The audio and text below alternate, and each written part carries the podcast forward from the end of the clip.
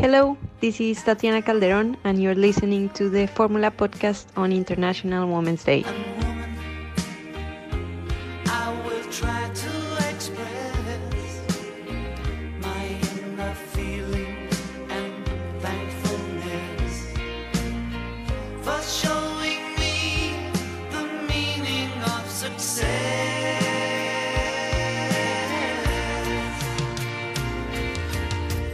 Formula Podcast, az autósport és formula magazin műsora. Hírek, vélemények, minden, ami F1 és autósport.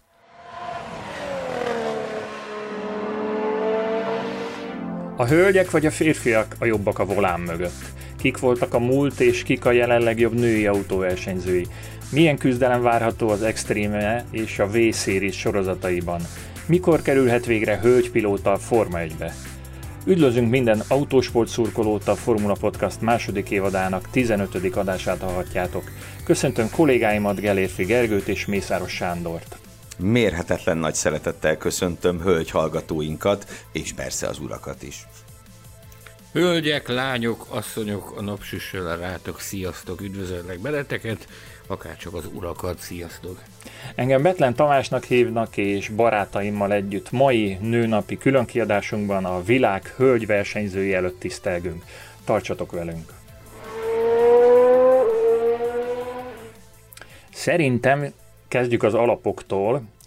A brit tudósok ugyanis nem olyan régen, de lehet, hogy folyamatosan bombáznak bennünket mindenféle statisztikával és tudományos kutatással, és legutóbb azt mutatták ki, hogy a férfi sofőrök nagyobb kockázatot jelentenek a többi úthasználó számára a közúti közlekedésben, mint a női sofőrök. Vagyis hát összességében azt állítják, hogy a nők jobb sofőrök, mint a férfiak. Még azt is hozzátette ez a tanulmány, hogy jelentősen csökkenne a halálesetek és a sérülések száma a közúti balesetek során, ha a fuvarozási szakmában például nagyobb lenne a nemek közötti egyenlőség, és még felsoroltak néhány ilyen szaka, úgymond szakágat, ahol nagyobb női ö, arányt tudnának elképzelni, és ezzel rettentő sok balesettől megmenekülne az emberiség. Na, mit szóltak ti ehhez? Ehm, Hát, ha magamból indulok ki, akkor készséggel elhiszem, hogy a hölgyek a jobb sofőrök. De egyébként alapvetően nem.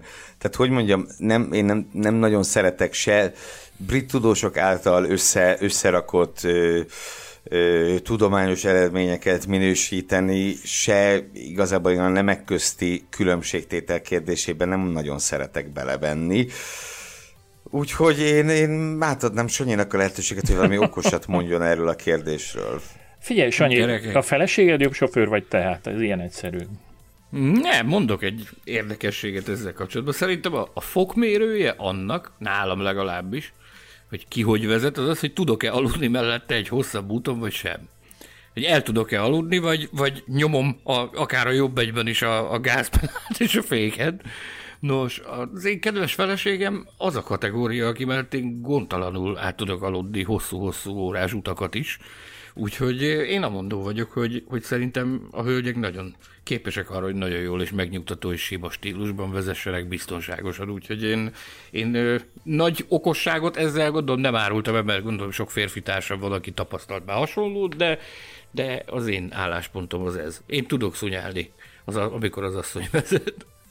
Én annyit tudok hozzátenni, hogy nálunk az a helyzet, hogy rettentő sokat vezet a feleségem, és hát megmerem kockáztatni, hogy, hogy, hogy jobb, jobb sofőr, most már a tapasztalata révén is, mint, mint én. Ugyan versenypályán még én vagyok a jobb, mert hogy ő még ott nem próbálta ki magát, amúgy Addig borzaszt. a jó neked. Addig, Abban a pillanatban, hogy ki, ki, kipróbálja azt, hogy hogy kell versenypályán menni, utána egyrészt lesz mire költeni, mert rákap a versenyzés ízére, ad egy, ad kettő, onnantól pedig ki lesz állítva a bizonyítvány rólad, hogy papa, az út, a közúton is jobb vagyok, meg a pályán is jobb vagyok. Úgyhogy neked marad az, hogy írkálj és beszélj az autóvezetésről és az autósportról. Nem?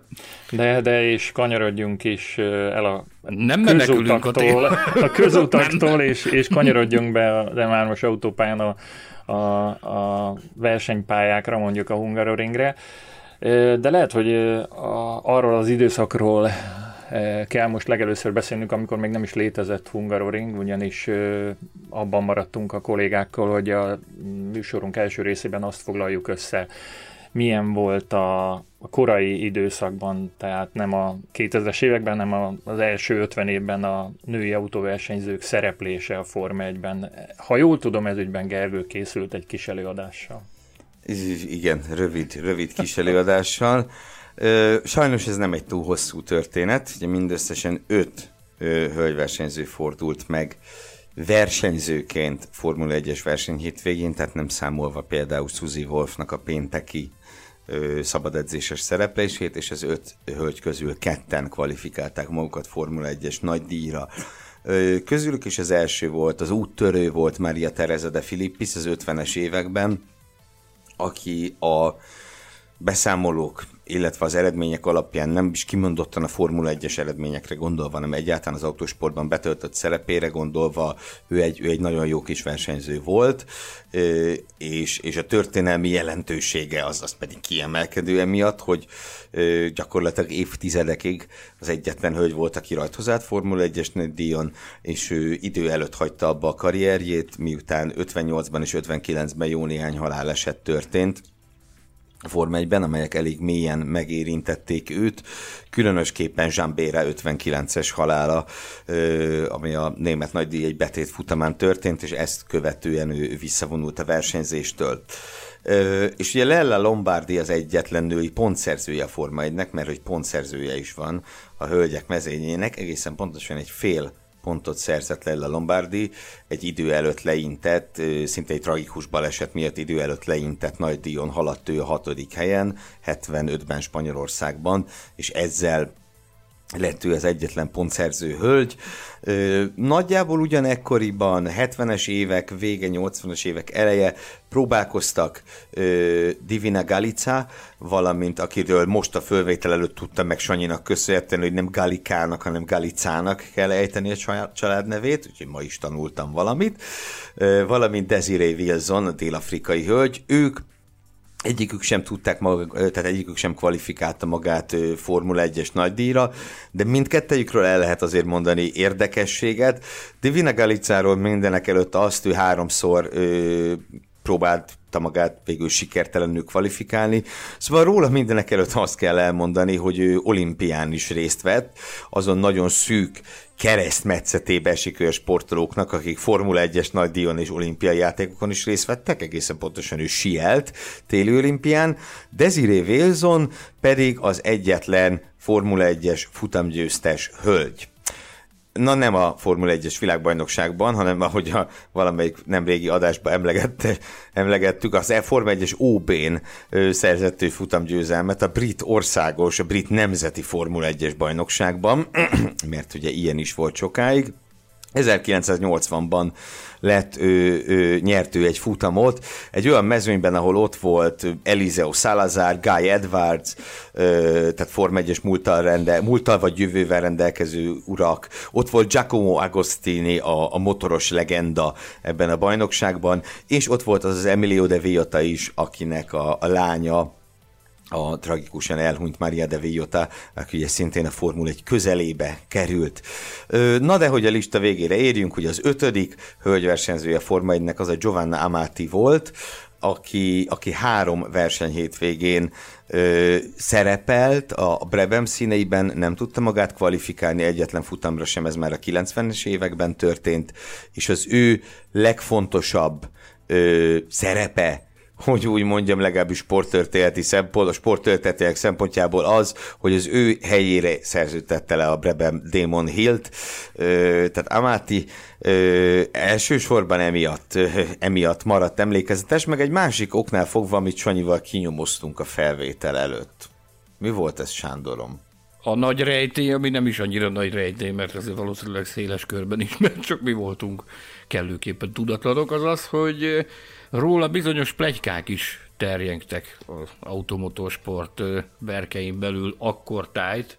Például az, hogy gyengérszálak fűzték olyan nevekhez és olyan legendákhoz, mint például Flavio Briatore, aki, aki a Benetton főnöke volt akkoriban, akkoriban érkezett talán a Benettonhoz, ha jól emlékszem, nem? Igen, igen, igen, igen. Illetőleg Niki Laudával is hírbe hozták, de egyes pusmargások még Burnley Ecclestonnal is összeboronálták annak kapcsán, hogy a Breben istáló környékén bukkant fel. Ö, Nyilván legalábbis a, amit mi, a mi kutakodásaink alapján bizony, bizonyságot nem kaptunk erről, hogy ez így történt, tehát ezt valószínűleg csak az érintettek tudják, de, de ilyen plegykák és pusborgások tartották izgalomban akkoriban a, a motorsport bulvár részével foglalkozókat. Én semmiképp sem szeretnék ennek a, ezekbe a plegykákból belemászni. Azt viszont még, még Giovanna Amátival kapcsolatban meg kell említeni, hogy ö, nem vagyok én abban a biztos, hogy ő nem tette nagyon rosszat az F1 felé igyekvő hölgyversenyzőknek. Ugyanis a többiekkel ellentétben nála gyakorlatilag megindokolhatatlan, hogy miért került be a Forma 1-be. Ugye előtt az F3000-ben szerepelt, és gyakorlatilag többször nem kvalifikálta magát a futamra, mint igen. Tehát ugye, hogy, hogy miféle logika szerint logikus lépés ezt követően ő a Formula 1-es karriert megcélozni, az, az azért magyarázhatatlan. És hát nem véletlen, hogy hamar, hamar ki is kopott, és, és egy elég rossz, rossz szájíz maradt utána, az ő szereplése után. Ö, tehát azt hiszem, hogy inkább, inkább Lella Lombardi, vagy Maria Teresa de Filippis, vagy a más szakágokban remekül teljesítő hölgyek azok, akikről, akikről érdemes beszélni. Én Mária Teresa de Filippishez szeretnék annyit hozzátenni, hogy ugye nem is olyan régen, mindössze öt éve ö, halt meg a hölgy, aki, aki először ült nőként Form 1-es versenyautóval, viszont nagyon aktív volt még idős korával, segíts már Gergő, hány éves volt, amikor elhunyt. Hát, De hogy... ilyen 90 körül, most pontosan nem. Sőt, hát 89, igen, igen. igen. Hogy rendszeresen szerepelt mindenféle rendezvényen, és a régi autókba is beültették nagyon szívesen. Én nekem egy, megvan egy Rolex reklám a, a szemem előtt, egy gyönyörű fotó a, a hát valami, valami, nem piros autó van ő, tehát nem Maserati-ban, meg nem Ferrari-ban, de, de elképesztő ikon volt annak ellenére, ugye, hogy nem szerzett pontot, nyilván ott azért voltak komoly ellenfelek akkoriban is, de, de én, én mindig körülbelül úgy csodálkoztam rá, mint, mint, a, mint az úttörőre, aki, aki próbálta a női nemnek is megadni azt, ami, ami nem mindig jár meg ugye az autósportban, legalábbis a, a az elmúlt 70 év autósportjában a, a, a hölgyeknek. Nem tudom, hogy, hogy miről kellene még beszélnünk a továbbiakban. Nyilván nem csak, ha már autósportot említettem, akkor nem csak Forma 1 létezett, hanem nagyon sok más szakág is, és ott mintha egy kicsivel sikeresebbek lettek volna a hölgyek. Mindenképpen, mindenképpen. Ugye a Dakaros adásunkban az év elején idéztük fel Jutta Kleinspitt hőstettét, aki azt hiszem, hogy az egyik legnagyobb sikert érte el, amit valaha hölgyversenyző elért, azzal, hogy ő megnyerte a Dakart 2001-ben és, és hát Michel Muttant is mindenképp ide kell sorolni a, a rally világbajnokság második helyével. E, e, mai szemben nézve elképesztő, hogy egy hölgyversenyző ezüstérmes lehetett a rally világbajnokságban. Ö, Hát igen, és ugye a közelmúltból pedig talán a leg m, a legemblematikusabb azt hiszem mindenképpen Danica Patrick volt, az a Danica Patrick, aki a az Indikárban, illetve, a, illetve később a NASCAR-ban is szerepelt, és ugye ő elsősorban az Indikárban ért el igazán nagy sikereket, azzal, ö, azzal, hogy futamot tudott nyerni egy ízben, volt neki bajnoki ötödik helye, lett dobogós Indianapolisban, tehát azért ő egy, nagyon-nagyon szép és nagyon korrekt indikár karriert rakott össze. Ugye egészen pontosan ő, ő zsinórban hat éven át végzett a legjobb tíz között a bajnokságban. A NASCAR-os szereplése Hát az már hagyott, hagyott, hagyott kívánni valót maga után, de, de, de, ott is nagyon ki kell emelni, hogy azért a Daytona 500-on a legendás évadnyitón ő, ő megszerezte egyszer a polpozíciót, ami megint csak egy, egy, egy óriási eredmény. És ugye Danica Patrick volt az is, akitől nagyon sokáig várhattuk azt, hogy esetleg átjön majd Európába, és esetleg ő lesz majd a az újabb hölgyversenyző a Forma 1-ben, erre sajnos nem, nem került sor, Mm, hát szerintem ennek, ennek összetett okai vannak, hogy miért nem került sor erre. Időről időre voltak plegykák arról, hogy most jönni fog, most ide igazol, most ez a csapat érdeklődik iránta, most ő tárgyal ezzel a csapattal. Végül, hogyha, hogyha mindent mérlegre teszünk, akkor talán mondhatjuk azt, hogy, hogy nem hozott ő rossz döntést a saját szempontjából, hogy nem jött ide és pusztította el gyakorlatilag a karrierét, ugye ez teljesen egyértelmű, hogy, hogy nem lett volna egyszerű abban a korszakban a boldogulása itt a Form 1-ben. Ott viszont Észak-Amerikában gyakorlatilag egy elképesztő ö, birodalmat épített ki saját maga körül, tehát nem volt olyan termék akkoriban az Egyesült Államokban, amit ne reklámozott volna, amit ne lett volna ott az arcképe, a neve, a logója, tehát egy őrületes birodalmat épített fel, amiből a mai napig vígan és boldogan megél. Igen, és ugye a, még az indikár szereplésénél maradva kicsit, hogy összességében egy nagyon- nagyon-nagyon szép karriert futott ő be, versenyei több mint felén a legjobb tíz között végzett, az egy, az, az egy, az egy, az egy pazarmutató, három polpozíció, egy futamgyőzelem, de de talán egy pici hiányérzet is maradhatott benne, mert ahogy ő berobbant a legelején, az, az szédületes volt.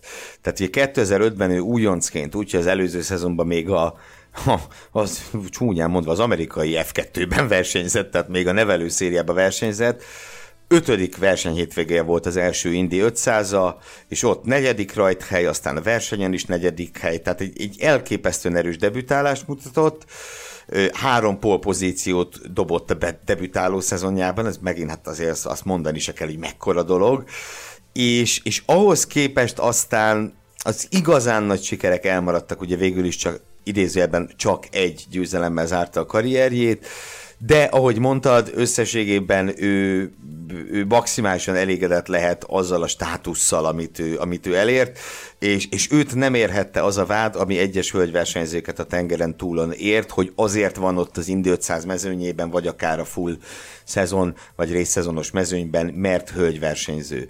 Tehát Danica Patrick ilyen szempontból egy, egy nagyon-nagyon pozitív példa mindenképp a hölgyversenyzőkre, a jó hölgyversenyzőkre, akár csak, akár csak Michelle Mouton, vagy akár csak Jutta Kleinschmidt. Michel... Mielőtt mindenre, mielőtt mindenre odafigyelő hallgatóink szétrúgnák a hátsónkat, én szeretnék még egy gondolat erejéig visszatérni. Én úgy emlékszem, hogy kimaradt a felsorolásból Ellen Lore. Ki? Ki, ugye, Jaj, ugye, de nem volt itt felsorolás, csak említgettünk neveket. De Janet Guthrie is mindenképpen- kimaradt még, de mondja csak. Tehát Ellen Lore is az a kategória, aki, aki számos sorozatban és számos műfajban ö, teljesített ö, teljesen elfogadható szinten. Ugye ő elsősorban, ha emlékeim nem csalnak, a DTM-ben kezdett Futamot magasabb nyert, szinten, bizonyám. magasabb szinten gurigázni, igen, futamot is nyert. Majd, bocs, és mai napig az egyetlen hölgy, az fontos kiemelni, aki ezt megtette. És ugye egy olyan korszakban, ami azért a DTM-nek tulajdonképpen az aranykora volt az az időszak, hogyha ha nem tévedek. Melyik Hát bizony. évben volt ez a bizonyos futamgyőzelem? Ó, meg nem mondom, régen, de ez még, még a klasszikus DTM, tehát a... Így van. Az a, az a, régi- nagyon-nagyon a régi- nagybetűs A régi DTM. DTM, bizony. bizony, bizony. Tehát ott, ott futamot tudott nyerni, de ment a Dakaron is, én számos más tereprali versenyen is találkoztam vele. Egyebek mellett például indult itt a Közép-Európa Rally is, ami ugye egy Dakar pótló verseny volt ö, 2008-ban. De, És bocs, de in- mostanában egyfolytában emlegetjük, muszáj hozzátenni, hogy az európai NASCAR sorozatban is versenyzett. Igen, Ugye újabban igen. egyfolytában emlegetjük ezt a szériát. Igen. Na igen. Igen. Igen, tehát Ellen Lor is az a kategória, aki, aki feltétlenül említést érdemel a, a világ autósportjának múltjában nagyot alakító hölgyek között. Igen, és voltak még itt néhányan, akik, akik tényleg kiemelkedő szereppel bírtak. Janet Guthrie, akit említettem, ő, ő a ugye NASCAR, IndyCarban is ment, meg Indy 500-on végzett top 10-es pozícióban, de NASCAR-ban is jó néhány top 10-es ö, eredményt ért el a csúcs kategóriában, és nem mellesleg ő volt az első hölgy, aki mind az Indy 500-on, mind Daytona 500-on elindult.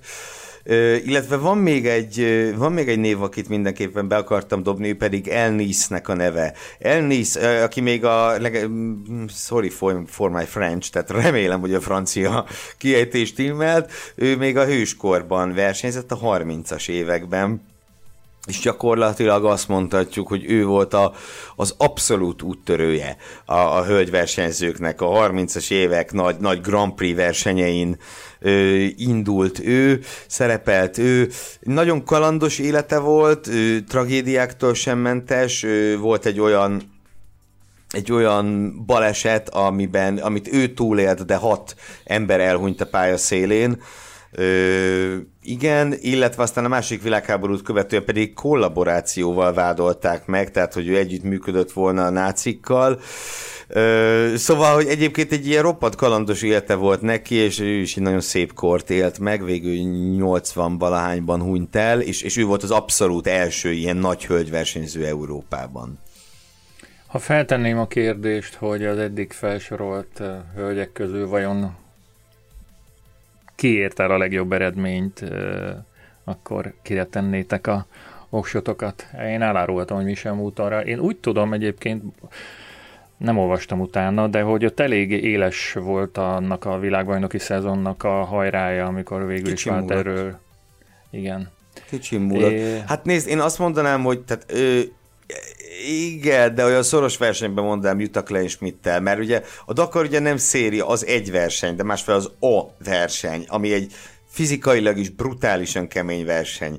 Pedig ugye a, legtöbb sportákban azért van külön férfi meg női mezőny, ugye a fizikai szempontok miatt. És az, hogy Jutta Kleinschmidt ezt meg tudta nyerni, ezt a versenyt, az, az egyszerűen hihetetlen. Akkor is, ha nyilván volt abban sok minden, abban a győzelemben, kis szerencse, kis ez, kis az, de de elképesztő. Szóval én azt mondanám, hogy egyrészt az ő Dakar győzelme, másrészt pedig Michel Mouton rally világbajnoki ezüstérme a két legkiemelkedőbb eredmény, amit hölgyversenyző fel tud mutatni. El, elképesztő, elképesztő eredménye. Abban az évben ugye Fabrizia Pons volt neki a navigátora. 82-ben, 82-ben volt ez a második hely, ha emlékeim. Persze, igen. Az igen, a stimmel, de hogy ki volt a navigátora, Ezek- azt kiguglizom volt neki. Googliz ki, googliz ki, légy szíves. Ö, Fabrizia Pons volt a, a, a navigátora nekem a terepraliban. Ő terepraliban is egészen, hát nem, nem az ő volt, néhány ő évben, de volt, egy ilyen, ő volt.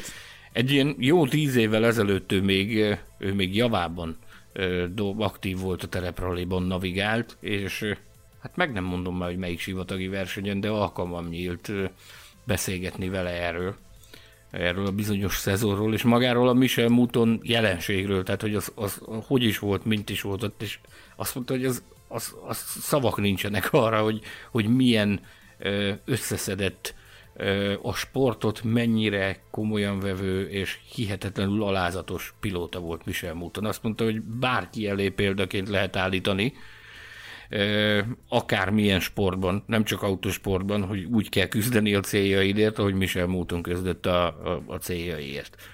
Úgyhogy én, én, én, hát ezt lehet talán belső információnak mondani, mert hát mégis csak ott ült Michel Mouton mellett abban a bizonyos szezonban, meg még nagyon sok más szezonban is, és nagyon meggyőző volt hallgatni azt a, azt a szenvedélyt, meg, meg azt a lelkesedést, ahogy az egykori pilótájáról beszélt Fabrizia Pons.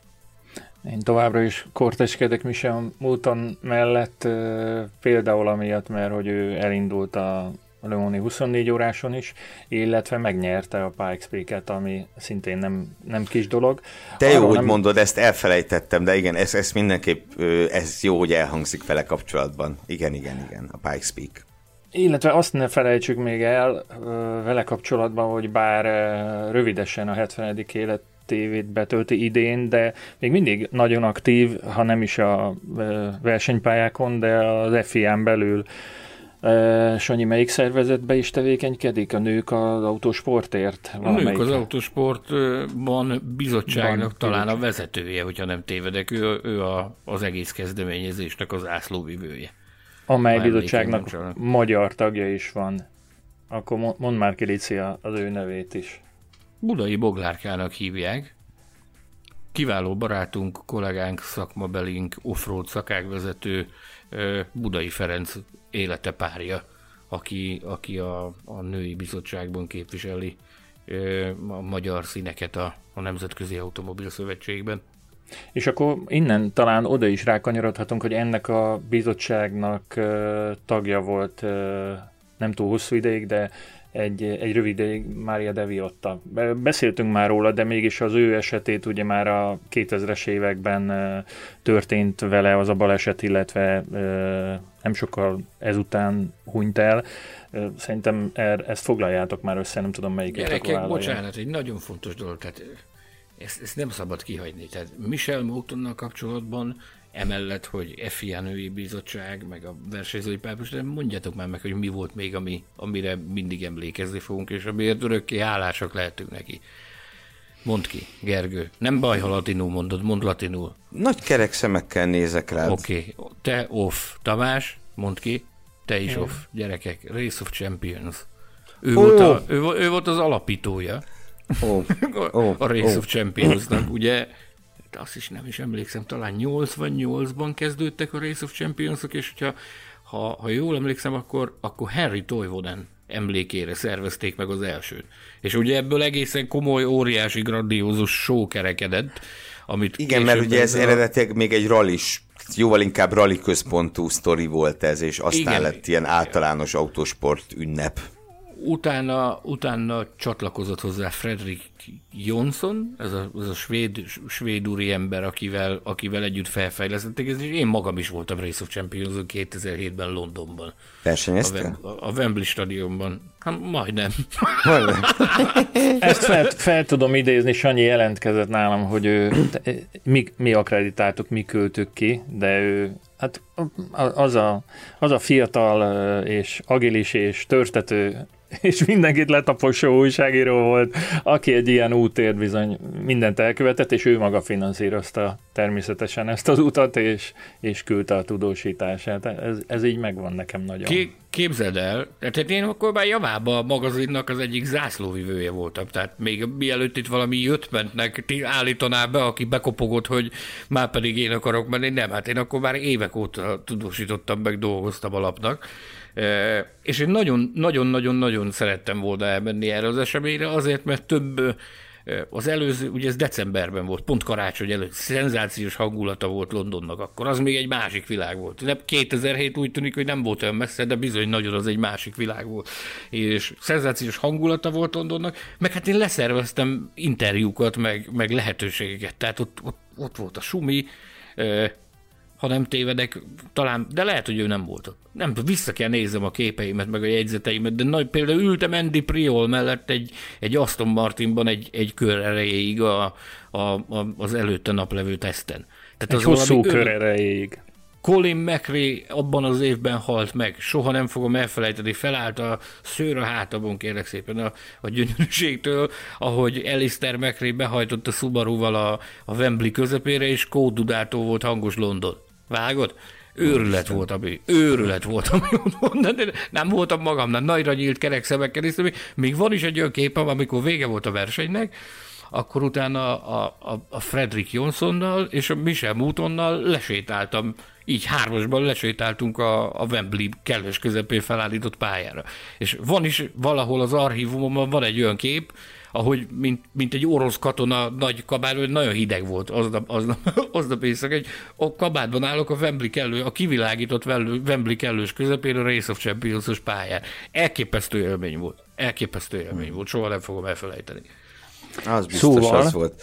Oda akartunk rákanyarodni, hogy hogy, hogy, hogy ebben a FIA bizottságban helyet foglalt egy rövid ideig Maria De Viotta, és ugyan megemlítettétek már őt, de arra kérlek benneteket, hogy valamelyik őtök azért foglalja össze, hogy mi történt a hölgyel. Nem tudom, hogy alkalmas ez az adás, de, mi, de beszéljünk róla természetesen. Mindenképp, mindenképp beszélni kell róla, mert ugye egyébként is, ö, tehát, hogy mondjam, azt mindenképp egy témának akartam itt javasolni, hogy beszélgessünk a Formula 1 közelébe került hölgyekről. Az elmúlt években, az elmúlt évtizedben azért jó néhányan voltak, és köztük volt Ö, hát gyakorlatilag mondhatjuk, hogy úttörőként Maria de Villota, aki, aki egy mérsékelten vagy közepesen sikeres autósportos karrier után vagy közben kapott lehetőséget először a, a Renault tesztelésére, a Renault R29-es tesztelésére, és, és ezt követően ő pedig a, a Marussia csapatnál lett hát ilyen tesztpilóta és fejlesztő pilóta, és 2012 nyarán egy eg- egészen bizarr baleset történt a Duxfordi repülőtéren, egy egyenes futásos tesztet követően gyakorlatilag már a szerviz területre, úgymond, vagy hát a boxba úgy való visszatérés közben ütközött neki egy lehajtott platónak, egy egészen, terautóplatónak, egy egészen szürreális eset volt. Egészen rettenetes fejsérüléseket szenvedett, ennek ellenére túlélte a balesetet, viszont ugye egy bő egy évvel később a baleset során szenvedett sérülésének következtében hunyt el. Ö, tényleg, té- té- tényleg szörnyű és, és, és egy nagyon-nagyon-nagyon abszurd eset volt, ami vele történt, Ö, és hát ugye a Marussia csapat számára pedig nem ez volt az utolsó ö, az utolsó ilyen, ilyen incidens. De hogy ne, ne, ne, ne, szomorkodjunk ebben, a, ebben, az, ebben az ünnepi külön kiadásban. Az, azt emeljük mindenképpen, hogy, hogy ebben az évtizedben jó néhányan voltak ö, hölgyversenyzők, akik ilyen vagy olyan kapcsolatba kerültek Formula 1-es csapatokkal. Itt állj meg, itt állj meg. Maria de Villota egy hihetetlenül kedves ö, hölgy volt. Ö, már a, a borzalmas baleset előtt is. És ö, hát én fel tudom idézni azokat a, azokat a versenyeket, amikor megjelent a, a baleset után, ugye. Véde, viselnie kellett ezt a bizonyos szem letakaró, nem tudom mi a neve annak Szemkötő, mondjuk. szemkötő, igen, de hihetetlen kedvességgel és odaadással, meg tapintattal ö, viseltetett mindenki iránt. Azok iránt is, akik rácsodálkoztak, mert nyilvánvalóan voltak olyan otromba állatok, akik rácsodálkoztak szegényre, de, de nagyon-nagyon kedves volt, ahogy, ahogy találkoztunk vele abban az évben versenyeken. Mm, nagyon nyílt volt nagyon nyílt volt, és az a méltóság, meg az az erő, ahogy viselte azt, ami vele történt, én megmondom nektek őszintén, hogy én, én nem is tudom, hogy azt, azt hogy szorult abba a hölgybe ennyi erő, hogy ezt, ezt ilyen méltósággal, meg ilyen erővel tudta viselni, ami, amin keresztül ment. Döbbenet. Igen, és hát az ő, az ő szerepe mm, pedig ilyen szempontból úttörő jelentőségi volt, ahogy arra már utaltam, hogy, hogy utána jöttek jó néhányan, ő, egyik másikról szerintem érdemes is pár szót ejtenünk különböző vonatkozásokban. Ugye Simona de Silvestro a, a Zauberrel, Suzy Wolf a Williams-szel, akkor, akkor Carmen Jorda, Tatjana Calderon, tehát jó néhány olyan hölgyversenyző volt, akik kapcsolatba kerültek ebben az elmúlt évtizedben Forma 1 csapatokkal. Ezek több-kevesebb komolyságú kapcsolatok voltak, voltak közte komolyabbak és kevésbé komolyabbak is hogy úgy mondjam, na erre majd talán visszatérünk, és a Deviota ilyen szempontból én azt kell mondjam, hogy tényleg úttörő volt, mert amikor ő, amikor ő Renault tesztelt 2011-ben, arra emlékszem, hogy ez egy óriási nagy durranás volt. Tehát azért most, hogyha Nyilván most is bekerül a hírekbe, hogyha mondjuk, nem tudom, Tatjana Calderon pályára vitte az Alfa Romeo-t, de már nem olyan döbbenetes szenzáció, hogy úristen, egy, egy nő beült egy Form 1 autóba, és akkoriban meg, meg, meg ez volt az érzésed. Ö, na ja, Akkor én mondom még a sorba Sarah Fischelt, aki ugye a McLaren egyik legszebb korszaka, a McLaren Mercedes legszebb korszaka után 2002-ben ült be, nyilván promóciós céllal a, a Indianapolisi futamon egy Form 1-es autóba bemutatókört tenni, de, de az ő pályafutása se volt azért semmi, tehát ő nem őróla nyilván úgy beszéltek aztán, hogy ő lehet majd egy pilóta, aki, aki versenyez a Forma 1-ben, de, de volt, neki volt háttere már, mi is volt ez, Gergő? Hát, ő alapvetően ugye indikáros, indikárban örvendő egy nagyon nagy, nagyon nagy tiszteletnek. Ö, 9 vagy 10 alkalommal indult az Indi 500-on, ment, emlékem szerint ment egy teljes szezont is a szériában. és hát ugye azóta is menedzserként, csapattulajdonosként és ilyen, ilyen olyan pozíciókban ott van, ott van a, a legendás Brickyard környékén, és a, igen, ő, ő is egy, nagyon-nagyon-nagyon pozitív ö, pozitív alakja a, a hölgyversenyzők sorának. Ö, akkor nem szóba hozhatjuk, nyilván nem ennyire kiemelt státuszban, de szerintem az imént már említett Simona de Silvestrót is, mert neki is az indikárban voltak nagy pillanatai. Olyan igazi áttörést ő nem tudott elérni, mint, mint amit Danica Patricknek sikerült. De, de azért Simonának is volt, volt dobogós helyezése indikár futamon, ment három vagy négy teljes szezont, és ugye emellett volt egy, egy, egy egészen pusztítóan nagy balesete, amit nagyon szerencsésen átvészelt, és akkor utána hát mindenféle vaslédi és hasonló hasonló neveket aggatott rá a közönség. Nagyon-nagyon szerették Simona de Silvestrot, egy nagyon népszerű versenyző volt, és voltak olyan pillanatok, amikor azt gondoltuk, hogy esetleg legalábbis mi laikusok, lehet, hogy Sanyi a háttérből tudta az igazságot, és akkor majd jól megmondja nekünk, de így kívülállóként azért voltak olyan pillanatok, amikor úgy tűnhetett, hogy ő akár Forma 1 üléshez is juthat. Ugye az Auberrel állt kapcsolatban, tegyük hozzá az Aubernek abban a roppant zavaros időszakában, amikor mindenkit leszerződtettek, aki szembe jött, és hát végül azért egy-két tesznél messzebb, messzebbre ő nem jutott. Nagyon komoly ö, mozgolódás volt akkoriban a háttérben. Tehát volt egy olyan érdekcsoport, aki mindenképpen szerette volna bejuttatni őt a, a versenyzői mezőnybe, hogy mennyire jártak közel a megoldáshoz, azt nem tudom. Volt olyan időszak, amikor egyes forrásokból azokban az években azt hallottuk, tehát hogy volt, aki hajlandó lett volna letenni a nagy esküt is arra, hogy na akkor vagy már most szezon közben, vagy a következő évben óriási meglepetésre, de meg fogja kapni a lehetőséget, ez végül sosem jött el. Tehát az egy olyan zűrzavaros időszak volt a Saubernek valóban, amikor nem tudtad azt sem, hogy reggel nem tudtad, hogy este mi fog történni a csapatnál. Tehát az a, az a zűrzavar és káosz uralkodott náluk akkor. Igen, és aztán az ő karrierje viszont, bocsánat, mert csak hogy ezt kerekítsük le, azért elég sajnálatos módon úgy el, hát nem is tudom, úgy el, elfogyott szépen lassan, vagy elkomolytalanodott, ha úgy tetszik, mert ugye ment teljes szezont a Formula I-ben, még az indikáros idők után, utána ment három évadot, három teljes szezont az Ausztrál Supercars sorozatban, az már olyan kevés sikerrel, tette, hogy úgy mondjam, és hát ugye jelenleg pedig GT-zik, de már csak ilyen országos, meg, meg, meg alsóbb kategóriás GT sorozatokban, tehát valószínűleg az ő karrierjének az érdemi része véget ért. Na de hát szerencsére ugye vannak olyan hölgyversenyzőink, akiknek viszont nagyon is tart a karrier érdemi része. Ha nem szorult belétek több név, akkor esetleg térjünk át rájuk. Hát dehogy nem szorult. Akkor hallgatok.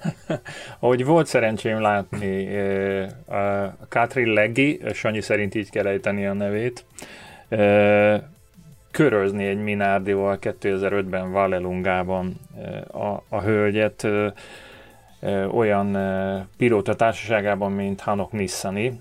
Ez volt 2005. november 23-án, amikor is gyakorlatilag az utolsó Minardis sportesemény zajlott a, az autósport eddigi történetében, ki tudja, mit hoz a jövő. De ő is... Említett, bocsánat, egy... Említetted itt az imént azt, hogy én tepertem a 2007-es részos csempézet. Bátorkodom megjegyezni, hogy te ott hegyelték 2005-ben Valelungában. Én itthon csöveztem, te ott hegyeltél, de az interjút azt onnantól nekem kellett megcsinálni itthonról, ami utána ment a magazinba, ugye? Ott, ugye, ugye, ugye? Ö, ott, ö, hát igen, hát a, hát, a, ennyi, a munkát el kell végezni. A munkát Ezt kérem jegyzőkönyvbe venni most azonnal. Ö, még az fontos, hogy a hölgy ugye aztán később szintén szerencsét próbált a tengeren túlon, és ment is jó pár futamon, most ezt nem tudom mennyin, és nem is volt túl ö, sikeres, azt viszont ö, tudom. De rajta kívül én még el akarnék időzni egy másik ment, társaságában is. Igen. Bocs, csak akkor annyit, tehát, hogy ment, ment a tengeren túlon, és, és legjobb emlékeim szerint neki is volt egy, egy hihetetlen nagy bukása. Ö, még, még réges-régen. Ugye ő 2006-2007-ben is ment a Csemkárban, aztán később az Indikárban is, és még az talán 2006-ban, de hogy egy tényleg horrorisztikus nagy balesete volt neki, majd keressetek rá esetekbe jut, és ő is ment a Formula E-ben, mert ugye a Formula E-nek a, a története kezdetén ott úgy röpködtek a hölgyversenyzők, aztán sajnos hamar elfogytak, de, de tényleg ugye ott volt Katrin Legi, ott volt Simona de Silvestro, sőt a legjobb emlékeim szerint még a, igen, Mikéla Ceruti is ö, ment, ö, ment a Formula E-ben, tehát ott nagyon sok hölgyversenyző volt, aztán egyre kevesebb lett sajnos. Na, igen. Szóba akartad még az adás későbbi részében is hozni uh, Carmen Jordát, és biztos szóba is Ajaj. hozod. Én őről annyit szeretnék elmondani, hogy az érdemei között rengeteg mindent fel lehet sorolni. Tényleg? Ö, igen, többek között, hogy címlapon szerepelt az Autosport és Formula magazinban, nem tudom, hogy emlékeztek erre a, erre a pillanatra, erre a, erre a hónapra. Emlékszem a Gergőnek a fehér, hogy mi, mi volt akkoriban. E, milyen ábrázata volt. Hát gyerekek, ez a titka annak, hogy valaki el, így válik valakiből elgyűhetetlen főszerkesztővé. Úgy, hogy, hogy megpróbálja meglátni a, az ilyen lehetőségeket abban, hogy egy, egy érdemtelenül tesz oda valakit a címlapra. Nem, nem érdemtelenül. Amúgy a De. hölgy pályafutását majd- azóta is, azóta is nyomon követem. Instagram, Instagram sztárán nőtte ki magát, és, és rettentően sokat posztol, hát a napi egyet azt hozza. Az, az lehet, hogy jobban megy neki, mint az autóversenyzés. Na most, Na, komolyan, de beszéljünk erről kicsit. Tehát, hogy a, a, tényleg szerintem ez meggyőződésem, hogy legalábbis az elmúlt évtizedben senki nem ártott annyit a női versenyzőknek, mint Carmen Jorda. Ö, tehát, hogy mondjam, gyakorlatilag teljesen nulla eredménnyel, mérhetetlen, mármint nem mérhetetlenül sok, hanem mérhetetlenül kevés eredménnyel került olyan pozícióba, hogy Formula 1-es ö, boxutcákba pózolhasson, és, és ugye azokat a nagyon drága ingeket viselhesse, mint csapatembléma van. És hát gyakorlatilag az egyetlen érdeme az pontosan micsoda, hogy csinos. Tehát ugye mindaz, ami mindaz, amit ugye a hölgyversenyzők le, nagy része le akar vetközni magára, hogy ne azt nézd, hogy hogy nézek ki. Carmen Jordan ennek a totális ellentéte volt, és tényleg zéró eredmények voltak, mert neki is, a, tehát vele egy időben voltak nála sokkal eredményesebb, tehetségesebb, jobb hölgyversenyzők, de valamiért, aztán meg voltak a rossz nyelvek, hogy miért, de valamiért épp ő került oda. És Carmen iszonyú ro- rossz üzenete volt ennek. Carmen Zsorda meghekkelte a Form 1 Nem. Bekerült, Ez történt. Bekerült a körforgásba úgy, De- hogy Én azt mondom, hogy pont ebbe az adásba ezt ne, ne fejtegessük, minden esetre férfiak is kerülnek hasonló érdemtelenül, hasonló módon érdemtelenül szerintem akár a Forma 1-be, vagy kerültek, és... Jó, én most azért bátorkodtam ebben az adásban ezt fölhozni, mert alapvetően azt gondolom, hogy az elmúlt években az FIA részéről és jó pár más irányból nagyon jó törekvések vannak a tehetséges hölgyversenyzők segítésére. És, és én igenis azt gondolom, hogy ezt viszont ő ezzel az egész jelenséggel valamelyest nehezítette, hátráltatta. Lehet, hogy egy népszerűtlen vélemény, és majd megkapom a magamét. Na de beszéljünk azokról a hölgyversenyzőkről, akiket szeretünk, tisztelünk. Ne? Ja, beszéljünk, akkor egyet mindenképp kell mondanom. Láttam, hogy tiltakozol. Igen, azt hittem, hogy már megint ugrani akarsz a témában, és hogyha a múlt hölgyversenyzőjéről esik szó, akkor, eh, akkor említsünk meg egy magyar nevet, a Forró Juditét. A Sanyi azt mondta, hogy adás előtt, hogy ellopom a gondolatát, hogy akkoriban Már megint. eh, gyakorlatilag, Már amikor ő már. versenyzett, akkor, akkor, eh, akkor nem, nem nagyon volt eh, még, még fogalma más, más nőversenyzőkről, vagy hölgyversenyzőkről a, a magyar közönségnek, ha ezt kimondhatjuk. Lehet, hogy nem is jól idéztem, és rosszul loptam. Biztos, hogy kimondhatjuk, mert bevallom, én kisgyermekkoromból emlékszem először az ő nevére. Tehát, hogy már a- akkor ugye, mint gokárt versenyző, hogy már akkor, és, nyilván, és kisgyerekkoromban azért úgy nem voltam ám annyira képbe az autósporttal, most se vagyok, de akkor egyáltalán nem. És, és mégis az ő nevére emlékszem, hogy téma volt, hogy, hogy forgott az ő neve, mint versenyző. Úgyhogy számomra is abszolút az első hölgyversenyző, aki, akiről hallottam, az ő volt mindenképpen. Az akkori magyar sajtó gyakorlatilag, amikor a pályafutása eljutott arra a szintre, hogy már formautókkal versenyzett, mert versenyzett formautókkal egészen talán brit forma Renaultig jutott, ha ha, ha tiszták az emlékeim, talán a brit Forma Renaultig jutott, akkoriban a korabeli magyar sajtó az megénekelte azt, hogy ő lesz a, a magyar Forma 1 pilóta, és ő lesz az, aki, aki az első igazán komolyan vehető női pilóta lesz.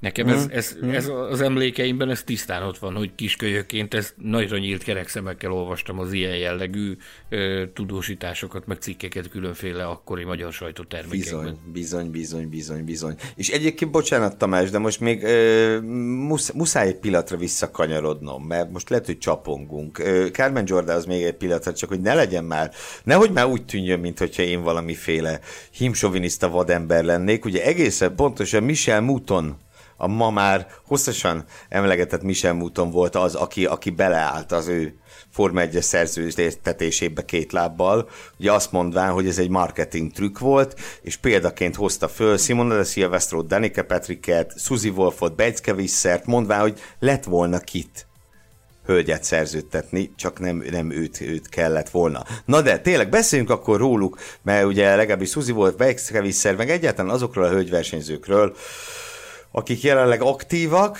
szóval nem Suzy Wolf, mert ugye ő már, ő már más feladatokat lát el az autósportban, mm, és akiket nagyra tartunk. Kivel kezdjük, Sándorom? Te jelöld meg, légy szíves. Kezdjük Tatjana Calderonnal, mit szólsz? Oké. Okay.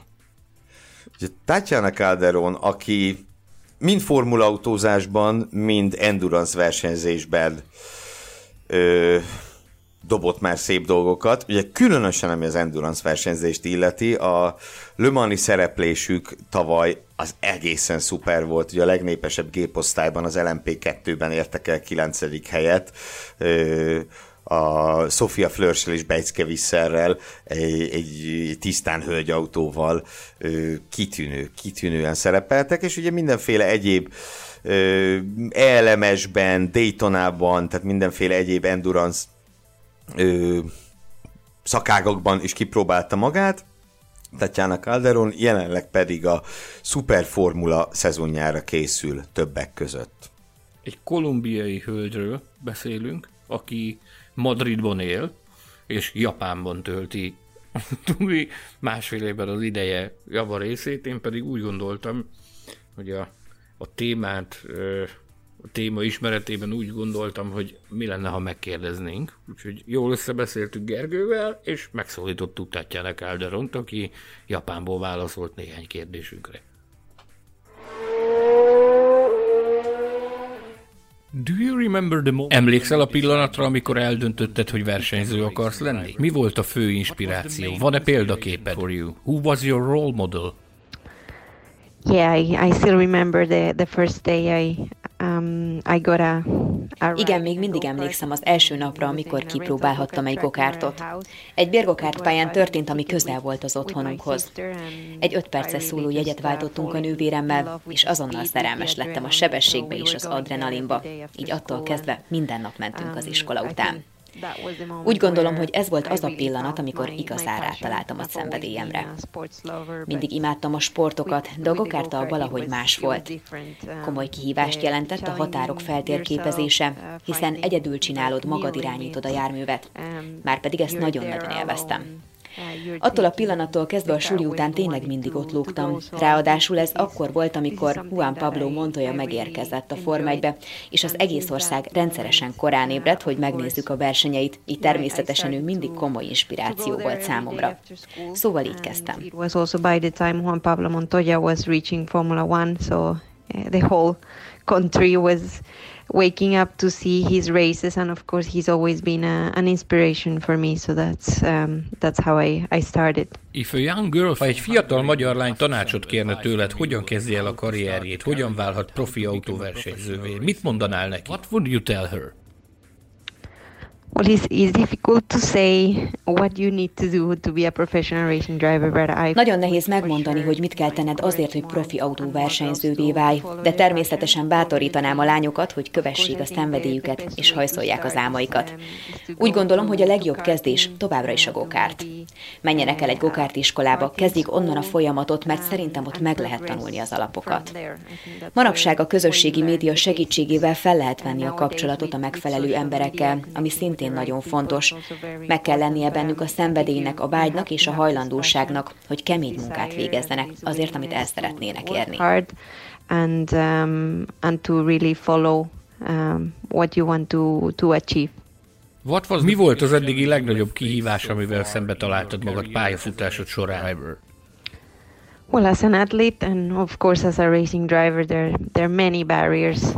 Sportolóként és természetesen autóversenyzőként is rengeteg korláttal találtam szembe magam. Nőként soha nem volt könnyű boldogulni ebben a férfiak által uralt sportágban. A motorsportban sok múlik olyan tényezőkön, amelyekre nincs ráhatásod. A megfelelő emberekkel kell körbevenned magad. A szponzorációs források megszerzése is borzalmasan nehéz, de szükséges, hiszen ez egy roppant drága sport. Ki kell harcolnod a hitelességet azoknál az embereknél, akikkel együtt dolgozol, valamint a riválisaid ellen a pályán. A motorsport fizikai és mentális oldala is roppant megterhelő. Sokkal inkább, mint azt az emberek gondolják az alapján, amit a tévében látnak, amikor azt nézik, hogy 300-zal megyünk a pályán.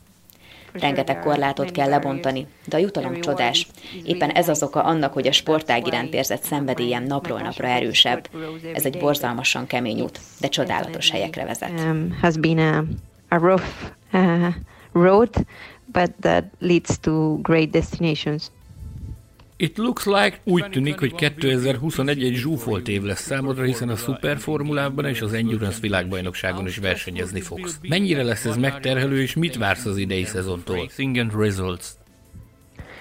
Certainly, 2020 looks 2021 looks really really exciting for me to to continue to do a second year in in Super Formula with the Tribon Drago course. Az biztos, hogy 2021 roppant izgalmasnak ígérkezik számomra, hiszen a második évemet kezdem a szuperformulában, a Stribon Dragon Course kötelékében.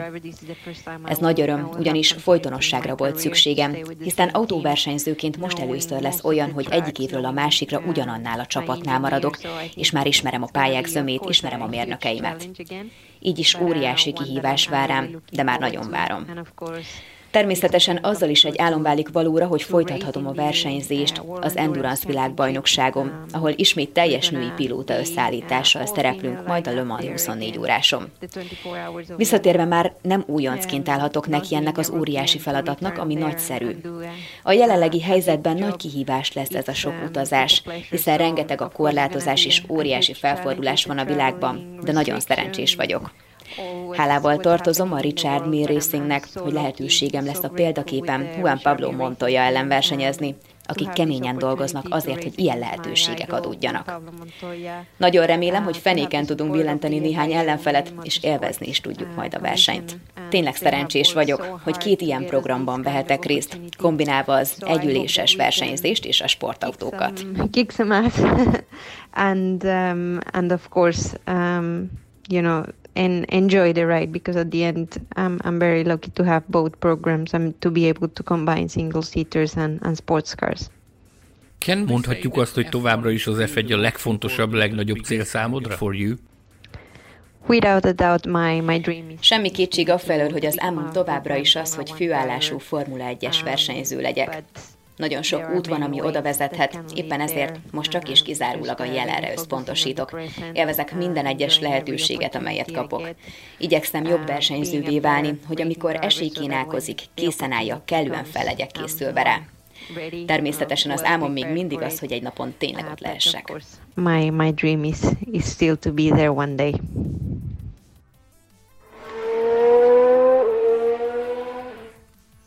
Na, hát roppan módon örülök, Sanyikám, hogy sikerült utalérned első külföldi hölgy vendégünket, ugye ez precízen így megfogalmazhatjuk. Uh, én nem tudom, én bevallom, én nagyon-nagyon szurkolok Tatjana Calderonnak mindenke, mindenek előtt azért, mert tudjátok, van ez a kis betegségem a Lömannal, hogy én ebben mennyire bele vagyok őrülve, és én tényleg el voltam ájulva tavalyi produkciójuktól, ugye újoncként, tehát nem is azért volt érdekes az, hogy ők ennyire jó helytáltak a P2-ben, mert hogy hölgyek, hanem hogy három újonc. És ez, ez, ez szenzációs, szenzációs teljesítmény volt. És ugye Tatjana Calderon meg például Sofia Flörcs is, a, akivel együtt mennek Lömanba, és aki ugye többször elhangzott már ma, neki is volt egy irgalmatlan nagy balesete Makaóban, és, és vasakarattal visszatért utána. Szóval ők a hölgyversenyzőket kisé jelenleg megosztó topikban abba a pártba, abba a frakcióba tartoznak, akik nem akarnak a W Series-ben versenyezni, mert azt hiszem, hölgyversenyzőkkel kapcsolatban beszélnünk kell a W Series-ről, illetve arról a Hát erről a megosztó jellegéről, ugye, hogy azért voltak jó néhányan, akik korábban ugye máshol, máshol már szerepeltek, mint például, mint például Jamie Chadwick, vagy, vagy például bocsánat, vagy például az ő, az ő csapattársuk, Lemani csapattársuk Bejcke Visser, vagy Alice Powell, akik azt mondták, hogy ők beneveznek a W Series-be, és fognak ott versenyezni, meg voltak azok a hölgyek, mint például Tatjana Calderon, mint például Sofia Flörs, akik, akik nemet mondtak erre. És ugye ez egy nagyon érdekes polémia, hogy egyáltalán az, hogy, hogy jót tesz a W Series létezése a hölgyversenyzőknek, és az ő megítélésüknek, vagy, vagy sem. És én ráadásul azt gondolom, hogy ez, ez nem, is egy, nem is egy egy pillanat alatt megválaszolható kérdés. Ö, ezt csak azért mondom, hogy ne gondoljátok, hogy most azonnali választ várok tőletek, de arra viszont kíváncsi lennék úgy őszintén, hogy ti személy szerint mit, mit gondoltok erről az egész W Series jelenségről. Kiváló üzleti koncepció, maradjunk ennyiben. Tehát aki, aki ezt életre hívta, meglátott egy nagyon komoly olyan piaci rést, ami, ami betöltetlen volt, ez, ez a bajnokság, ez, ez, ez tökéletesen betölti, ugyanakkor lehet ezt jól csinálni is, tehát hogyha ismerve a szakmai hátterét, ugye ezt a bajnokságot, az autóknak a felkészítését, meg az autóknak az üzemeltetését a high-tech racing végzi, az a high-tech racing, amiről már nagyon sokszor beszéltünk, meg nagyon sokat beszélgettünk erről. Ott a csapat tulajdonos és csapatfőnök, a Mazepin menedzsere, kiváló jó barátunk Oliver Oaks. Az biztos, hogy, hogy műszakilag az topon van, tehát a műszaki kiszolgálás az tökéletes összeverbuválódott ott egy nagyon színes és ö, szép mezőny, tehát ha valahol van szansz arra, hogy tehetséges hölgyeket találjunk, vagy tehetséges hölgyek utat találjanak fölfelé és utat nyissanak ö, maguk számára, akkor az a W Series, ami ugye mostantól a Form 1-es hétvégéknek is része lesz. Ennél jobban nem lehet ö, szem előtt lenni, meg szem, elő, szem elé kerülni. Igen, és ez egy nagyon fontos lépés volt a sorozat számára, hogy a Form 1-es verseny hétvégék részévé váltak, váltak ezek a, ezek a futamok. Én, én személy szerint nagyon szerettem. Tudom, mert tapasztaltam a, a Formula Podcast Facebook csoportban, és volt már vita a W Series-ről. Tehát tudom, hogy ez egy megosztó téma. Én személy szerint egy nagyon jó és fontos dolognak tartom teljesen megértem azokat a hölgyeket, akik azt mondják, mint, mint Tatjana Calderon, hogy nem, ők nem szeretnének itt versenyezni, de valóban ö, összességében szerintem az a helyzet, hogy egyszerűen túl kevés a lehetősége a hölgyversenyzőknek.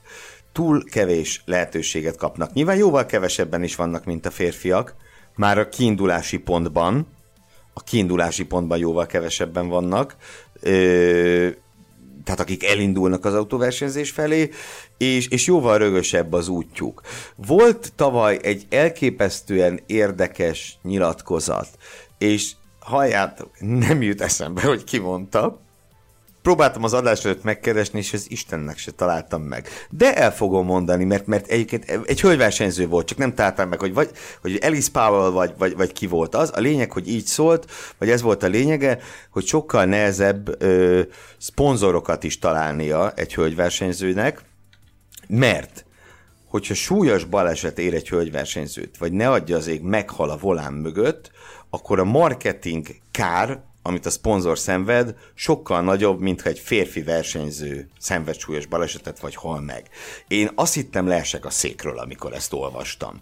Hogy ennyi, ennyiféle nehézséget, ennyi, de az ember nem is gondolná, hogy milyen, milyen problémákba tud egy hölgyversenyző ütközni, szóval, hogy mennyi mindent kell nekik leküzdeniük, és a W Series biztosít egy lehetőséget, ugye, ha minden igaz, akkor idén is igen 18 ö, hölgy számára, hogy Forma 1-es verseny hétvégén versenyezhessenek. Ugye lehet kritizálni a színvonalát ezeknek a versenyeknek, Ö, tényleg voltak megmosolyogtató dolgok, na maradjunk ennyiben. De ugye ezek Formula 3-as autók, ezek azért úgy kemény kemény autók. És, és a 18 versenyzőből, ha az első szezon listáját megnézzük, hát három-négy olyan volt, akinek volt értékelhető komoly tapasztalata. Tehát nyilván az nem lehet várni, hogy az első pillanatban már 18 totál felkészült full penge versenyzőt ki tud állítani ez a sorozat. Mert voltak ilyenek, Jamie Chadwick vagy a Bejcke Visser felkészültségére nem nagyon lehetett pél, ö, panasz ö, senki részéről. Ö, és én abban bízom, hogy ez a sorozat fejlődni fog. Mert amikor tavaly a, a Covid ugye kilőtte egy az egybe a tavalyi szezonjukat, én kicsit rettegtem attól, hogy ez itt, itt be is fog fulladni az egész, és, és szerencsére nem így történt. Úgyhogy én, én, én nagyon várom francia nagydíjat és az azt követő versenyeket, amikor, amikor szurkolhatunk nekik. Milyen uh, egyéb szériákat tudunk még szóba hozni? Itt ugye külön dedikált helyük van a, a lassan elinduló uh, extreme is a hölgyversenyzők számára, hogy befejezzem a mondatot. Pontosan, ugye az Extreme minden csapatot egy férfi és egy női versenyző alkot ö, kötelezően. Egyébként ez nekem valahol tetszik. Ö, tudom, nekem mostanában minden tetszik. De, de nekem ez is nagyon tetszik, mert ugye itt egyrészt megvan a Megvan az, amit a W Series-ből hiányolnak sokan, hogy a férfiak meg a nők nem mérhetik össze a tudásukat. Az extreme ez megtörténik, viszont dedikált helyük van a hölgyversenyzőknek. Ö, és ez, ez szerintem nagyon jó, ö, de mivel terepraliról van szó, itt, itt mindenképpen Mészáros szakkollégát szeretném megkérdezni, aki ö, aki na, aki a tereprali isten. Ennyi. de túl. Na, na, na, na. Te csak, te csak hallgassál. Te csak hallgassál, jó? Légy szíves. Please. Volume off, Tabás. No. A hallgatóknak nem, nem árt tudni, hogy nem tudjuk egymás spotméterét le és fölhúzni, csak utólag. Pedig szeretnénk. Igen, nagyon Sőt, a gyakran, virtuális stúdióból kirúgni se tudjuk egymást, pedig lehet, hogy megtört. Lehet, hogy ez az oka annak, hogy a Formula Podcast még működik. És lassan, lassan eljutunk az egyéves évfordulónkhoz. Az, hogy nem lehet kirúgni a szobából, a, a stúdióból a másikat. Na, szóval az Extreme egy nagyon különleges húzás a, a bajnokság szervezői részéről lesz, hogy előírták ezt, hogy hölgy versenyzőknek is lehetőséget kell adni. Amit én látok, ugye eddig még terepről is tapasztalattal rendelkező hölgyek, akikről tudunk, hogy versenyezni fognak, még nem kerültek be. Pedig ebben az úgynevezett poolban, ahol, ahol a, a versenyzésre jogosult ö, pilótákat gyűjti a bajnokságot, azért vannak olyanok, akiknek vannak terepralis tapasztalataik, és, és több ilyen pilóta jelöltől hallottam, hogy Bocsánat, de ez nem igaz. Tehát ugye ott van, jó, Laia Sanz, ő oké, okay, motorral, de ő azért elég komoly Sorry. akartapasztalattal Bocsánat, bír. csak nekem ez lemaradt. Ő hol megy a Leia Sanz? A Laia Sanz, hát nem akárkinek, ő a Carlos Sainznak lesz a csapattársa. Sorry, bocsánat. Bocsánat. igen, ugye ő, ő van, ő van, és még egy van, de a többi, többieknek tényleg nem nagyon van. Ugye a, a, az a bizonyos Cristina Gutierrez, aki ő, aki ugye a Dakaron ment idén is, ő meg a Lőp csapattársa lesz. De a többiek, hát valóban mondjuk Elnézést kérek, elnézést kérek, nem voltam teljesen képben az Extreme line baj. Annyit tudok mondani, hogy, hogy vannak azért a poolban, meg a, a bajnokság körül mozgolódó emberek között bőségesen olyanok, akiknek akiknek komoly eredményeik vannak, és komoly teljesítményt tettek le az asztalra, anélkül, hogy elvitatnám az említett két hölgynek a, a szerepét, de van például olyanunk nekünk, aki, aki ott mozgolódik, akinek az a neve, hogy Emma Claire Dumont, ő a, az említett francia nagydíj helyszínének, a Paul Ricard pályának, a, a Paul Ricard vezérigazgatójának a felesége. És ő például kétszer volt kvadda a világbajnok vados világbajnokságot nyert női kategóriában, ami, ami akkoriban nem volt kevés induló, amikor ő ezeket a VB címeket nyerte.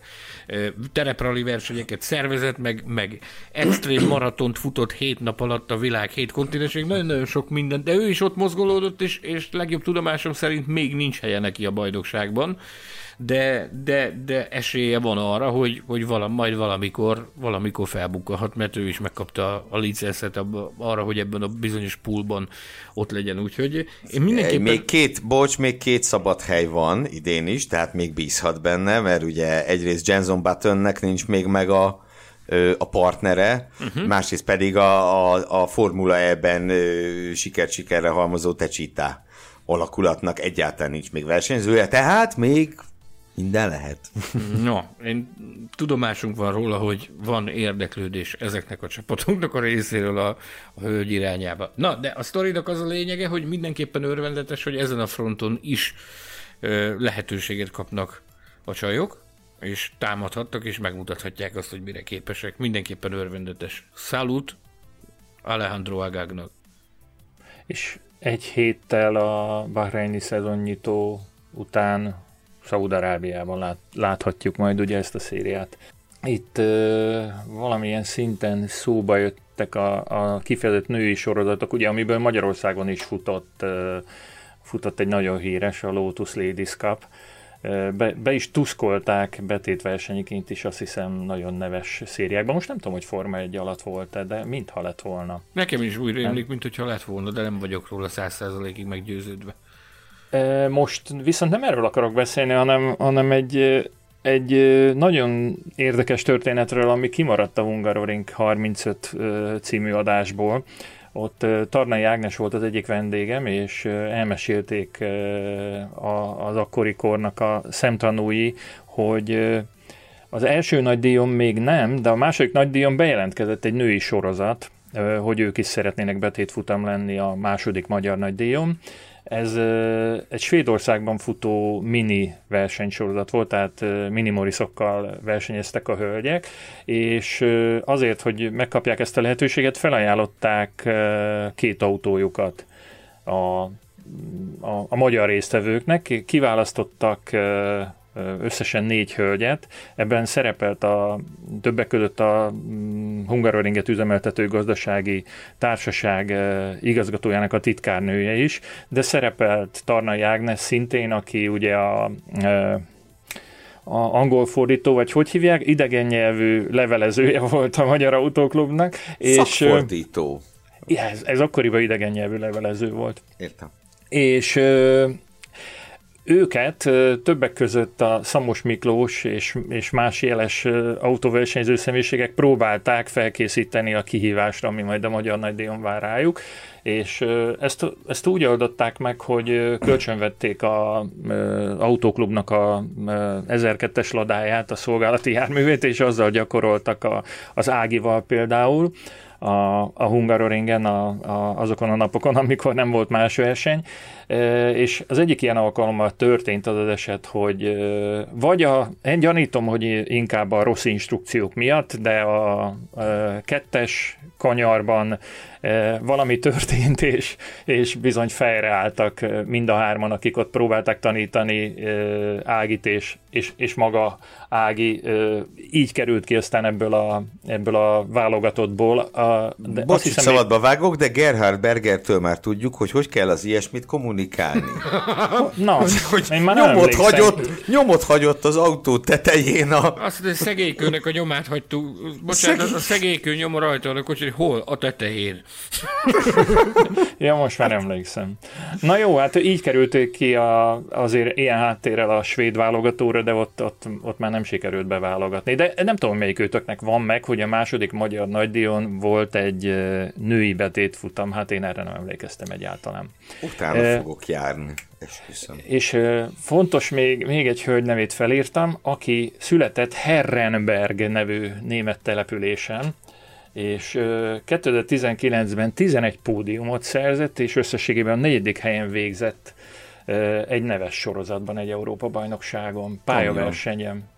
Kamion. És tudja, és tudja, és tudja. Kamion Európa és ez az az év volt, amikor a Kis Norbi, aki ugye 2020-ban az év autóversenyzője lett a Steffi a Hahn, szerkesztő, igen, ő, tehát Kis Norbi csak hatodik lett, viszont Steffi Hám ö, negyedik helyet szerzett. Úgyhogy, Németországban jó néhányan vannak, ha már akkor Zab- Zabine Schmitzet is meg kell említeni, akit ugye a Nordschleife királynőjének Még ö, tartanak. mondanám nektek, hogy Divina Galica is indult kamionversenyen. Ha emlékeim nem csalnak, még talán itt a Hungaroringen is. Nem merem a, És Nem a- kizárt. a nyakam nem merem a önmagamat tenni, de, félbe. de nekem úgy rémlik, hogy Divina Galica is indult a, a Jó, kamionversenyben. itt rátérhetünk-e arra, hogy ha már a Top 50 magyar autóversenyző rangsorról, meg a gáláról az imént beszéltem, akkor megemlítjük-e, hogy ki volt ez a hölgy, aki tavaly és már több alkalommal is bezsebelte a, a legjobb magyar autóversenyző hölgy kitüntetést. Sanyi, Fogel Adrien. Hogyan méltatnánk Fogel Adrient? Remek Mind pályaversenyzés, mind rally versenyzés, több, több fronton jeleskedik. Bocsánat, remek autóversenyző, sok oldalú autóversenyző, és én, én azt az el- elkötelezettséget és azt az alázatot látom rajta a, az autóversenyzői tevékenysége kapcsán, amit egy professzionális autóversenyző látni kell. Nem? Egyetért És ez a legfontosabb. Ez a legfontosabb. De, de, de. Ez... Engem is kérdez már meg, mert én is egyetértek. Nem Tamás, egyetértesz? Egyetértek. Na, És te abban- ez összhang. Egyetértetek-e, hogy így a műsoridónk végéhez közeledve rá kell térnünk a legfontosabb kérdésre? Egyetértetek? Bólincsatok, vagy készfeltartással jelezzétek? Nem, mert Sanyi még Mint a mindenképp... felvásárló esetében? Hát igen, De nem, persze. nem, nem nyújtjuk Nem. fel a kezünket, mert akkor megáll a felvásárló. Ennyi. Kérlek szépen. Megérkezett a Ha már nőnapi adásról van szó, akkor figyelem, figyelem, asszonyok. Na, Na, mondom. Sa- Sanyi bele akart még menni egy témába, és ebben menjünk bele. bele, én csak, röviden. Én csak nagyon röviden. Tehát, eh, hogy van ez a, ez a kezdeményezés, hogy, hogy nők az autósportban, ez azért nem csak a pályán és a versenyzésben nyilvánul meg, hanem a versenyzés körül is ugye évről évre újabb és újabb ö, ö, hölgy munkatársakat látunk például a Form 1-ben is. Ugye az első olyan olyan mm, hölgymérnök, aki, aki ilyen nagy felhördülés kiváltó tevékenységet végzett a Form 1-ben, az Antonia Terzi volt, aki megtervezte a 2003-as Williamsnek azt az iszonyatosan ocsmány tuskó első szárnyát. Ő A volt Rozmárt? Bizony a Rozmárt, ezt egy Antonia Terzi nevű olasz hölgy alkotta, akinek talán utána nem sokkal le is főtt a kávé, de az autosport környékén maradt. De utána, utána is elindult egy olyan trend, ami, ami egyre csak erősödött. Említhetjük például Lina Jade-et, aki a Le Mansban, neked Gergő tudnod kell. Ha azt mondod, hogy nem tudod, akkor, akkor Campo volt. Ő volt az Audinak az egyik vezető stratégiája. Hogyne, hogyne, hogyne, hogyne. Szenzációs Hiszem a hetes autónál volt ő évekig. Igen, igen, igen, szenzációs igen. ö, mérnök volt, elképesztő tudással, és a Forma 1-ben is láthatjuk tényleg évről évre azt, hogy most már az autó körül is egyre több csapatnál látunk hölgy munkatársakat, akik, ö, akik operatív tevékenységet végeznek effektíve az autón. Tehát, hogy a, az, az, úgynevezett car crew-nak a tagjai, de vannak ö, egyre magasabbra törő mérnökök is. Elég például Ruth Bascombot mondani, aki ugye megfordult, megfordult a Ferrari-nál, ö, jelenleg az Alfa Romeo-nál teljesít szolgálatot, mint, mint kiemelt főstratéga, vagy éppen a Bernie Collins, aki az Aston, most már Aston Martinként kell emlegessük a, a Racing Pointot, ami Force India. Force India, egyértelműen. Bernie Collins, Bernie Collins ott dolgozik, de, de más poszton is például, ha Móni Pistit sportigazgatónkat, az ő tevékenységet nézzük, hogy F2, F3 sportfelügyelés, ott van például Silvia Bello, akinek a, a legmagasabb szintű versenyigazgatói minősítése van. És amikor éppen nem volt kedve versenyt igazgatni, akkor, akkor a Carlinnal elment, és a, a, az IndyCar projektet irányította Észak-Amerikában egy ideig, majd most visszatért, most ismét, ismét versenyigazgató. Tehát, tehát sokan vannak, akik, akik tényleg elképesztő magas szintre jutottak, és azt kell, hogy mondjam, hogy színesítik a, az autósport világát, borzalmasan komoly teljesítmény van mögöttük, És ugye ennek az adásnak az volt a célja, hogy méltassuk a hölgyek erőfeszítéseit. Én úgy gondolom, hogy azok, az, azok a hölgyek is megérdemlik a méltatást, akik nem azzal töltik az idejüket, hogy autókat terelgetnek, hanem adott esetben autókat alkotnak, az autók versenyzését segítik, vagy az autók versenyzését felügyelik. És az autókat terelgető embereket terelgetik. Na de, Tamás, Mögöttünk Az is vannak adásidő végén- Akik, mögöttünk is vannak, Nem. akik bennünket terelgetnek. Szeretnénk őket Bizony. is tisztelettel és nagy szeretettel köszönteni. Ö, Én, feleségeinket, én családtagjai. engedjétek már meg, hogy küldjek már az összes ö, hölgyversenyzőnek, hölgyhallgatónak és ö, feleségnek, aki esetleg nem hallgatja ö, a Formula Podcastet egy, ö, egy közönség ricsajt, tapsot lehet.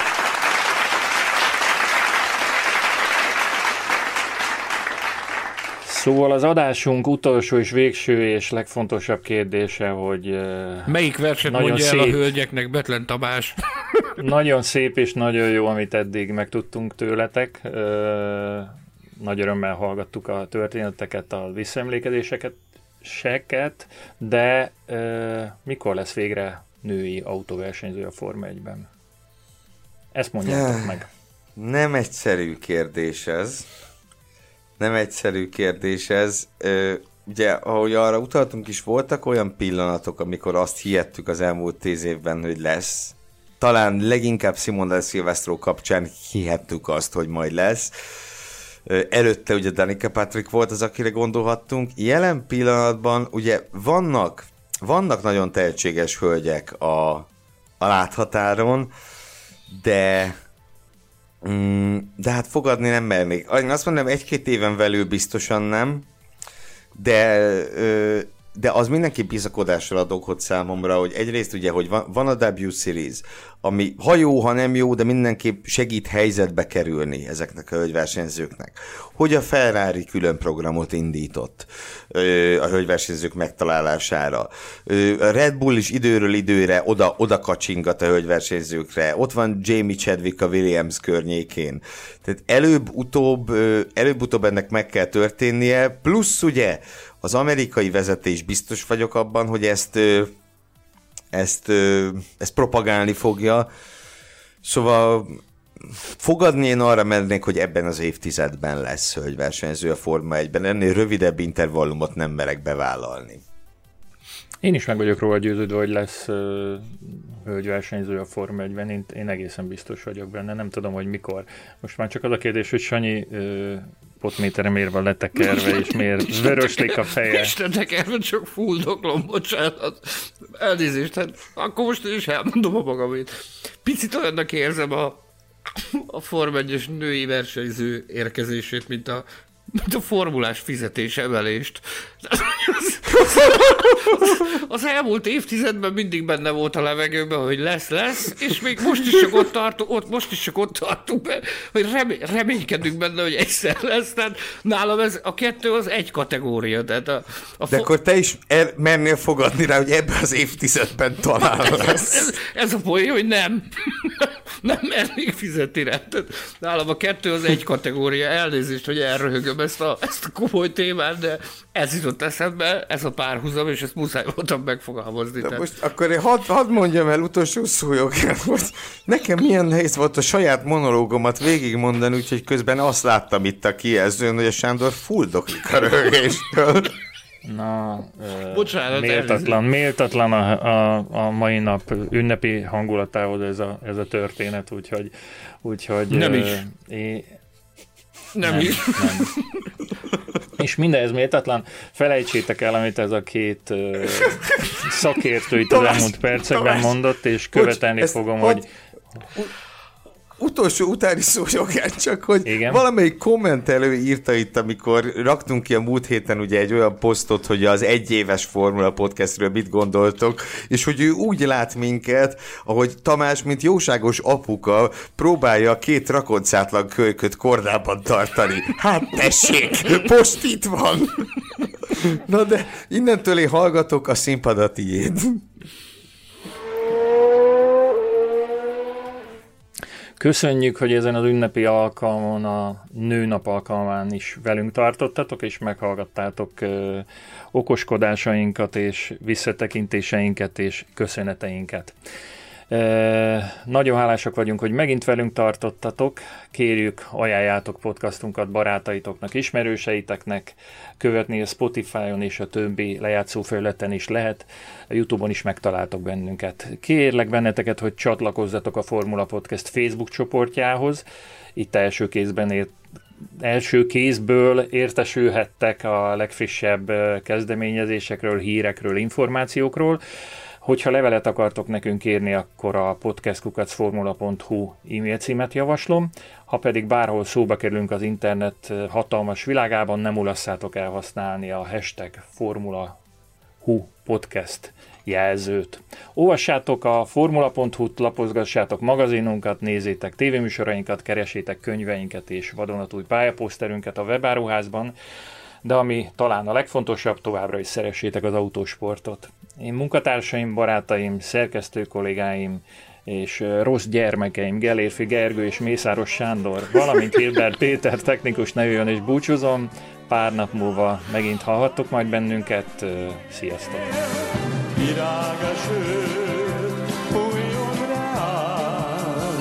Formula Podcast. Az autósport és formula magazin műsora. Hírek, vélemények, minden, ami F1 és autósport. Legyen véd